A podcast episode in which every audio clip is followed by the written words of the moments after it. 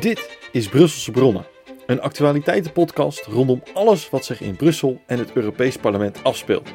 Presentatie is in handen van Florian Pronk en vaste tafelgast is Europarlementariër Bertjan Ruijs.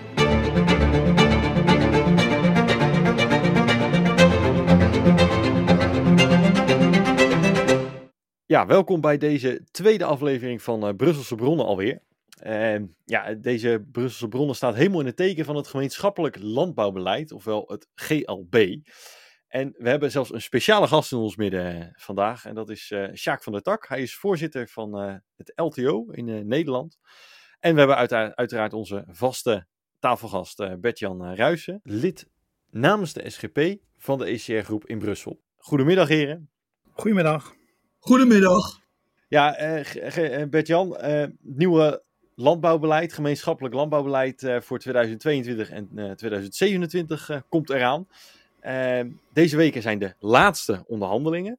En jij bent volgens mij de enige Nederlandse onderhandelaar aan tafel, klopt dat? Ja, dat klopt. Zeker. zeker. Okay. Ja, hoe, ja. hoe kan, wat, waar gaat dat landbouwbeleid over?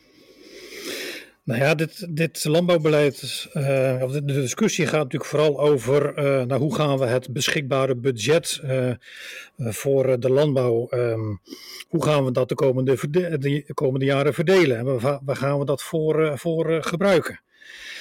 Ja. Um, en ja. over wat voor dingen beslist een landbouwbeleid dan bijvoorbeeld? Nou kijk, um, Waar het nu om gaat, dat is natuurlijk het subsidiebeleid. Hè? Dus waar, waar trek je het geld voor uit? Um, waar we het uh, nu onder andere voor gebruiken, dat is inkomensondersteuning.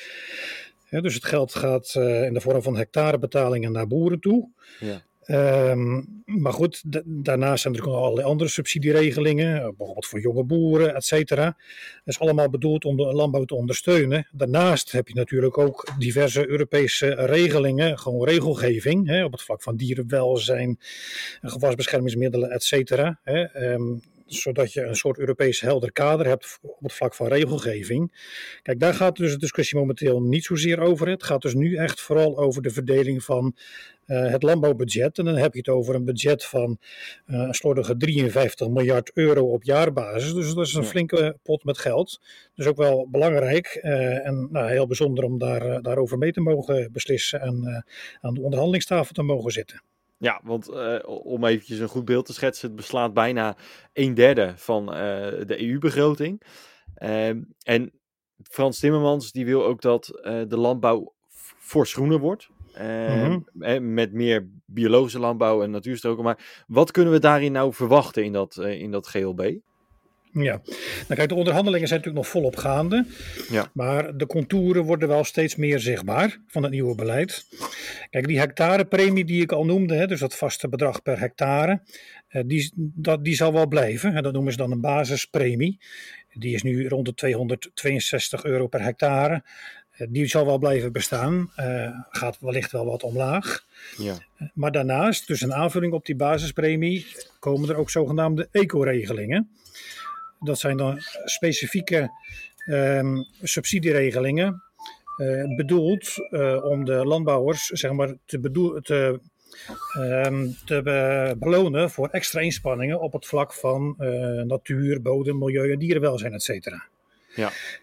En de grote vraag is natuurlijk ook in deze onderhandelingen van ja, met welke eisen wordt de boer straks geconfronteerd? De, de, linkse partijen die zien eigenlijk de, de kansen, hun, kansen schoon hè? door uh, enorme extra eisen te willen gaan stellen aan die basispremie, de duimschroeven flink aan te draaien.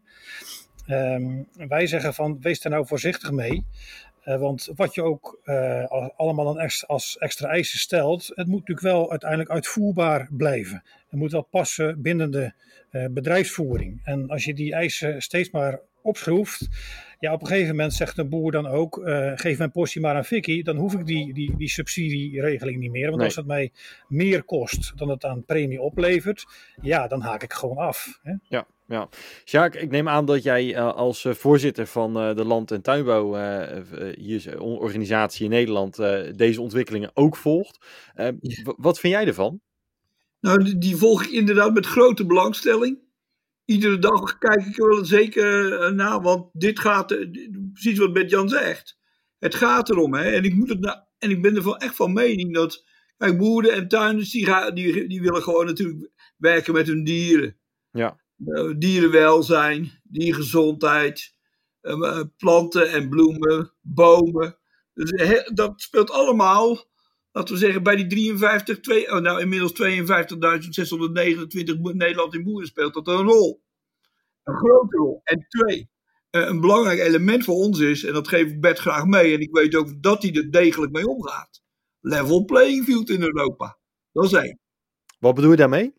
Nou ja, feit is dat eigenlijk je, het, niet zo kan zijn dat het een boer of een tuinder, uh, laten we zeggen in Zuid-Europa, met meer middelen, met andere middelen aan de slag kan gaan dan een boer in Nederland. Nee. En die met name het meer het milieu vervuilen dan dat een boer in Nederland dat doet. Want de, de boer, als het gaat om mest en dergelijke, heeft de boer de afgelopen decennia al 60% gedaan. En als je kijkt naar gewasbescherming, dan lopen we in, in dit land best wel voorop, maar op water weer wat achter. Ja. Dus je ziet dat we hier op het punt van level playing field uh, is voor ons heel belangrijk. Ja. Een tweede element is dat, laten we zeggen, de boer als ondernemer. Een, wanneer we gaan willen meer verduurzamen, hè, 49% naar 55%, stikstof, reductie. Ja, dan moet de verduurzaming ook niet op de kostprijs van de boer drukken, maar wel degelijk ook in de opbrengst. Ja. En er zijn er twee mogelijkheden. Of je laat de consument meer betalen. Dan moeten we met z'n allen daar wel policy op voeren. Of de overheid, die, of de overheid geeft voor de verduurzaming van datgene wat onze boeren doen, een faire prijs. Uh, en, dat is, nou, en Betty zegt het goed, daar horen natuurlijk ook elementen als bij. Als een boer meer op natuurinclusieve landbouw gaat, dat het dan ook zo kan zijn dat de ecodiensten door de overheid worden betaald. Ja. ja. En dat zijn elementen die voor ons echt heel bepalend zijn wat voor regelgeving uit het GLB-beleid uh, komt. Ja. Nou, zo heb ik er, en, en, dan pak ik er nog eentje, aan de akkerbouw en de glastuinbouw en de tuinbouwkant. Een heel belangrijk element is dat natuurlijk het zo is dat, die, dat we ook af willen van die legale chemische middelen naar meer biomiddelen. Maar dan moet de Europese wetgeving toch wel een beetje in verhouding komen met datgene wat er bijvoorbeeld in Amerika gebeurt. Wanneer je een biologisch een gewasbeschermingsmiddel wil hebben, dan duurt het daar anderhalf tot twee jaar. En bij ons vier, vijf en notabene wel zes jaar. Ja. Kan die wetgeving niet wat meer Europees uh, ten opzichte van andere uh, werelddelen geharmoniseerd worden. Dat is, het, dat, dat, nou, dat is voor ons wel bepalend. Want nu gaat BASF en Bayern, die verdienen aan Amerika en die verdienen te weinig aan Europa. Ja, Bert-Jan, als je dit zo hoort, zijn dat dingen die jij uh, herkent en die je ook meeneemt in, in bijvoorbeeld de onderhandelingen die je van de week gaat doen? Jazeker, een hele herkenbare punten die, die Sjaak uh, voor het uh, voetlicht brengt. Zeker dat punt van het level, play, level, playing field, dat is echt ontzettend belangrijk. We moeten er wel voor zorgen dat het, nou ja, de, de, de concurrentieverhoudingen zeg maar, binnen Europa, dat die eerlijk genoeg blijven. Hè? Dus, dus dan moet je, je moet onder de, als het ware kunnen produceren volgens, zoveel mogelijk volgens dezelfde spelregels. Ja. En dat is iets wat ik ook in het GLB zeker ook, ook meeneem. om je een voorbeeld te geven. Um, we hebben bijvoorbeeld te maken met zogenaamde gekoppelde steun. Dat, is, dat zijn dan steunregelingen die echt um, uh, die, die alleen worden gegeven voor een specifiek gewas. Hè? Bijvoorbeeld een extra steun voor aardappelen of voor, voor de teelt van suikerbieten. Nou ja, daar zijn we helemaal niet enthousiast over, want dat leidt juist tot een enorme nou ja, uh, aantasting van dat level playing field. Hè? Omdat ze bijvoorbeeld in, Polen geven ze dan wel een extra, uh, extra steun voor de suikerbietentelers. En wij in Nederland doen dat niet. Dat leidt tot, tot een ongelijk speelveld. En dat moet je zoveel mogelijk zien te voorkomen. Dat is dus echt iets wat ik. Um, waar ik aandacht voor, voor vraag, iedere keer ook in de, in de onderhandelingen. Ja. Ja, als het gaat over de. Ja, sorry. Nee, zie je dan ook dat, dat zeg maar eh, bepaald beleid, landbouwbeleid, ook eh, nog wel ruimte laat voor, voor gewoon ja, het land op zichzelf. Uh, om, om bijvoorbeeld dat beleid zelf zo in te vullen, waardoor die verschillen ontstaan? Of, of ontstaat het verschil op, op een ander vlak? Ja, kijk, dat, het blijft wel een spanningsveld, dat zie ik ook wel in. Want aan de ene kant moet het beleid natuurlijk ook wel aansluiten bij de lokale situatie. Hè? De situatie hier in Nederland is anders dan in Polen. Hè? Uh, dus als je bijvoorbeeld de boeren in het Veenwetengebied uh, zeg maar, uh, wil, um, wil belonen voor hun inspanningen, Um, om het veenweitengebied zeg maar, in stand te houden, ja, dan moet je, daar heb je daar natuurlijk andere regelingen voor dan bijvoorbeeld de situatie in de, in de Alpenweide. Dat, die, die situaties zijn verschillend, verschillend, dus daar moet je in je, je beleid en ook in je regelingen natuurlijk wel degelijk rekening mee houden. Ja. Maar je moet wel heel erg alert zijn bij, de inrichting, bij, bij het inrichten van je, van je instrumenten, dat je niet nou ja, de concurrentieverhoudingen enorm gaat, uh, gaat verstoren. Hè? Daar nee. moet je zeer, uh, zeer alert uh, op zijn. Ja, uh, Sjaak, als je dit zo hoort, zijn dat dingen waarvan je zegt, oké, dat, dat, dat hoor ik breder in Europa? Of is dat echt alleen, uh, ja, uh, maak je je daar zorgen om? Nou, Bert-Jan doet dat goed, hè? daar ben ik het van harte mee eens. Ja. Dat steun ik. En belangrijk daarbij, daarbij, belangrijk daarbij is inderdaad dat dat natuurlijk zo wisselende omstandigheden kunnen zijn. Inderdaad, de Veenweide is anders dan de Alpenwei. Ja. Uh, en ja, wij hebben in Nederland op dat vlak ook wat te doen. Uh, ja, dat gaat wat is dat dan bijvoorbeeld? Uh, dat gaat, nou ja, een voorbeeld is dat er nu projecten lopen rondom de veenweidegebieden. Je kunt het water, de waterstand verhogen, waardoor er sprake is als het ware dat de, em, dat de emissieuitstoot, oftewel de uitstoot, minder wordt. Nou, dat zijn elementen die kunnen bijdragen aan een, aan een tweede pijler in het GLB-beleid. Weer en dan pak ik hem breder, dat eco-regelingen een zekere element kennen van verre prijzen voor juist dit soort diensten, om ervoor te zorgen dat de verduurzaming ook kansen krijgt. Ja. En, het, en het andere element is dat je bij al dit soort dingen, en ik, uh, met Jan, ik hoop dat je daar ook wat in ziet, is dat je al die bewegingen die de Timmermans op dit punt biedt, Mhm. die hebben nog geen sociaal-economische impactanalyse. Nee, klopt. En dat Klopt. is relatief zwak, hè? Het Ja, kent een, eco, eh, een ecosysteem, maar let op, de boer wil natuurlijk wel zwarte cijfers schrijven. Ja, En die wil, wat, die wil verdienen, die wil eh, inderdaad absoluut wel bewegen, maar het moet Ja. wel wat opleveren. Ja, klopt. Ja. Nee, klopt helemaal wat je zegt, uh, Sjaak. Zeker ook als het gaat over die impact eh, assessments. Wat je ziet, dat is dat de commissie met zeer ambitieuze doelen komt. Hè. Eh, binnen tien jaar tijd moet 25% van de lammen moet biologisch zijn. Dat gaan we dan van achter een bureau in Brussel even beslissen. Het gebruik van het eh gewasbeschermingsmiddelen moet binnen tien jaar tijd met 50% omlaag. Dat gaan we ook even in, Brussel centraal beslissen. Dat is natuurlijk een, een, een benadering van, van bovenaf naar beneden toe, top-down. Ehm, en ehm, ja, gaat dat werken? Hè? Eh, wat zijn de consequenties daarvan? En terecht dat Sjaak zegt van er zijn nog helemaal geen studies nagedaan. Wat is nou de im- impact van dergelijke ambitieuze doelen? Ik denk dat we veel meer, natuurlijk, we zijn allemaal voor verduurzaming. En dat moeten we ook stimuleren, moeten we belonen. Maar dat moet je volgens mij vooral aanpakken vanaf onderop. Hè. Je moet het boerenerf en de ervaringen daar centraal stellen. Dan kun je je ook aansluiten bij de mogelijkheden en bij de motivaties van een individuele boer. Zet het ondernemerschap centraal. In plaats vanuit Brussel met eh, te eh, ambitieuze, irrealistische doelstellingen eh, te komen. Ja. Ja. Ja. En dat, dat klinkt natuurlijk logisch, maar is dat ook daadwerkelijk iets waar, waar Brussel zich van bewust is? Hè, bedoel, eh, er zijn natuurlijk heel veel eh, regelgeving en voorwaarden waar boeren aan moeten voldoen, waardoor ik misschien als boer eh, heel snel zou denken van nou, ik, ik zie door de bomen het bos niet meer, letterlijk en figuurlijk. Eh, Sjaak, is dat ook iets waar Brussel volgens jou rekening mee houdt op dit moment? Nou, Bert-Jan zegt het weer goed, hè? Achter de burelen.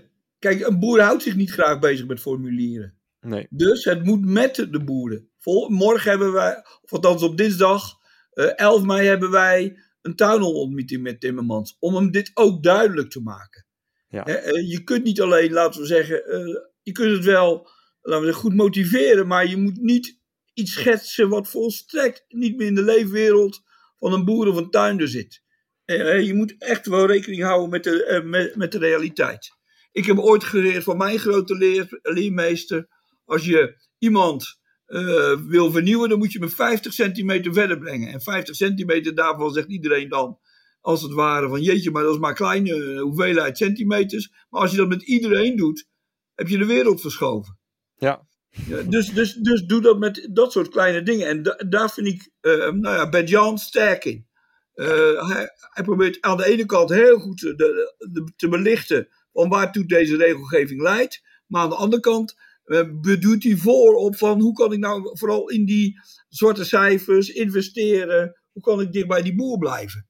En wat mij betreft is, is dat belangrijk, want dat versterkt het ondernemerschap en dat, dat biedt kansen voor innovatie. Ja, ja.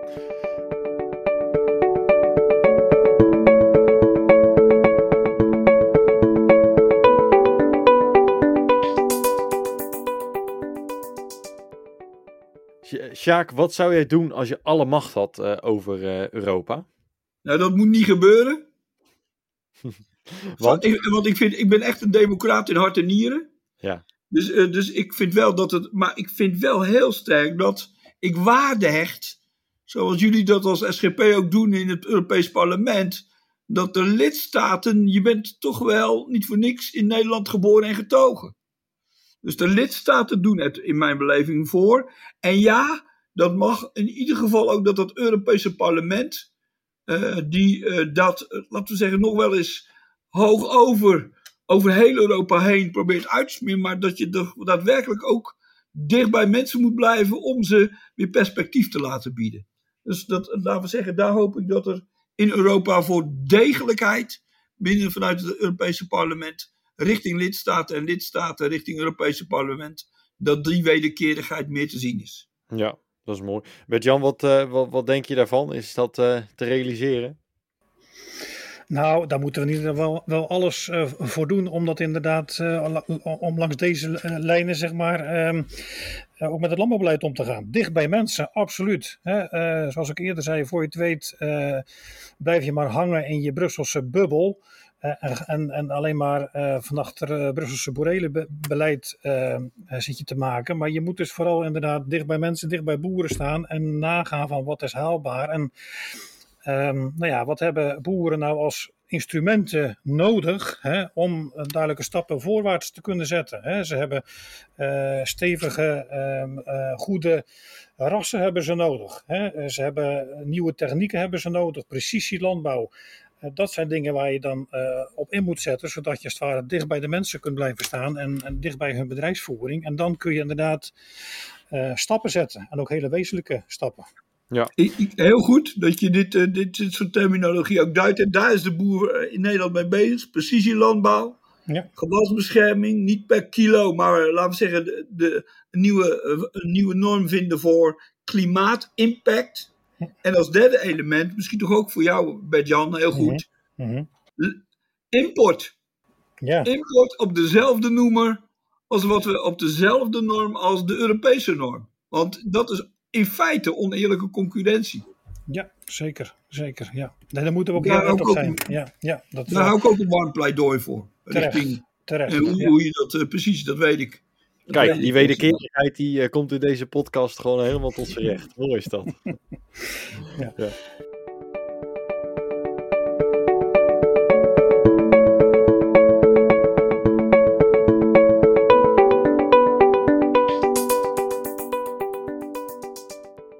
Sjaak, heb, heb je toevallig, uh, ja, we vragen in elke podcast uh, aan onze gast of hij een favoriet Bijbelvers heeft. Uh, ik ben benieuwd, heb jij toevallig een, uh, een, favoriet Bijbelvers?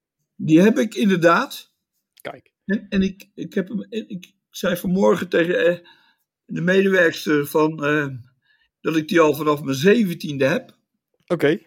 Maar eigenlijk al, toen, wat nu groep 8 is, toen ik de, de, de, de, de lagere school verliet. Ja.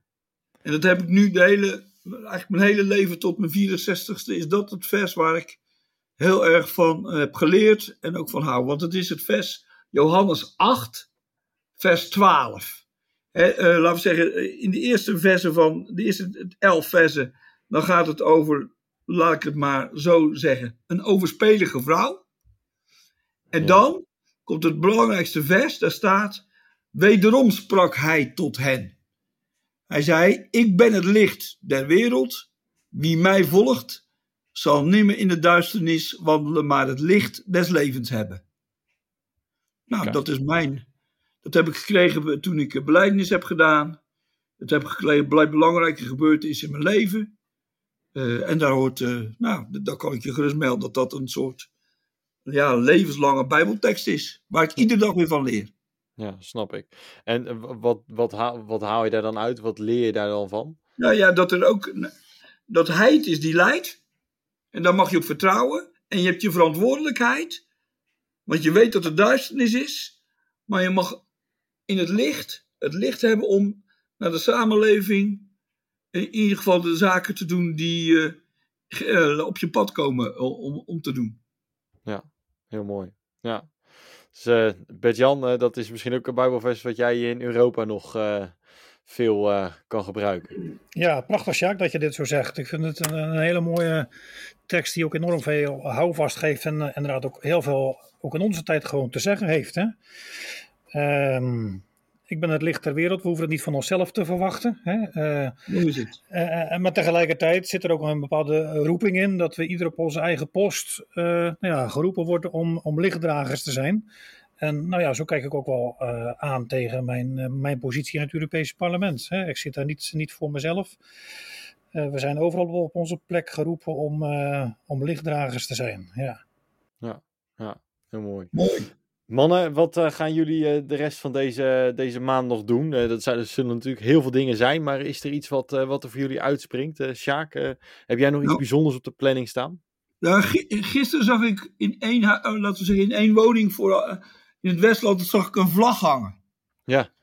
En toen dacht ik, ja, 9 mei. Dat is eigenlijk de geboortedag van de Europese Unie. Oh, ja. En daar vond ik die vlag wel illustrerend voor. Er stond maar slechts bij één huis één vlag. Dat was wel weer de andere kant. ja. Het was natuurlijk wel zondag. Maar feit is dat we in deze Europese week hebben we net een gesprek gehad met Europees commissaris Timmermans. Een open gesprek waarin we wel degelijk verkend hebben dat je precies wat we net ges- gesproken hebben, niet top-down, maar met, veel meer met. En goed let op de sociaal-economische impact. Aan de andere kant op de ecologie eh, van wat boeren en tuinders doen. Het tweede element eh, is natuurlijk eh, de Brusselse lobby deze week waarbij we spreken over het GLB, maar ook over, maar ook wel laten we zeggen over CRISPR-Cas, over laten we zeggen biologische middelen. En Bert is het natuurlijk zo dat Bert-Jan Bert-Jan mee doet in de ronde tafel met de Europarlementariërs. Die is op YouTube te zien. En voor Ja. de rest is het deze week voor mij gevuld bij de SER. Hoe komen we uit de crisis? Ehm, toch wel een beetje in, het, in de lijn van: je moet nooit te snel de, be- de belastingen op, de, op dit punt gaan verhogen, want dan bevordert dat de faillissementen van bedrijven en de werkgelegenheid. ja. eh, bevordert dat allemaal niet. Dus doe het rustig aan.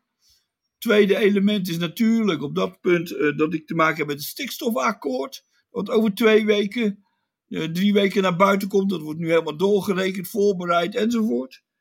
En ik eh, zit deze week met eh, de SER over een motie van Roelof Bisschop.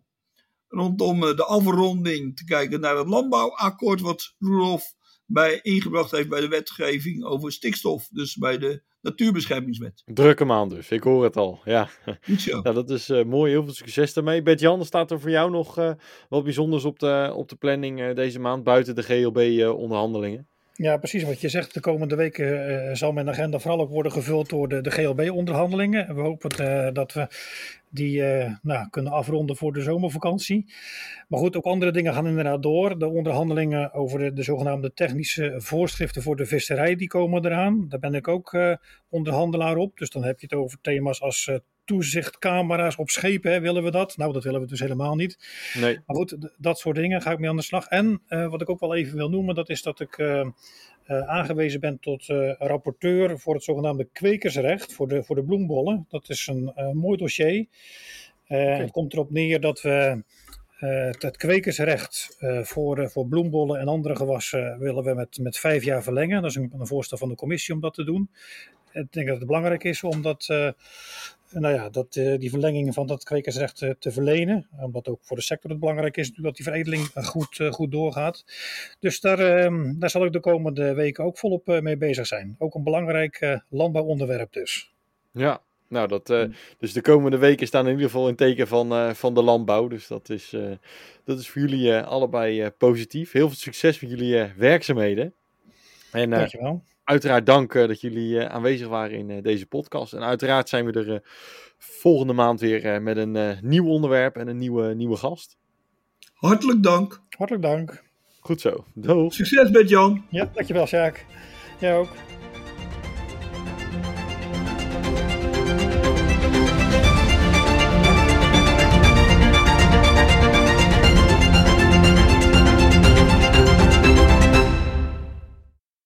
Deze podcast wordt gefinancierd door de ECR Groep.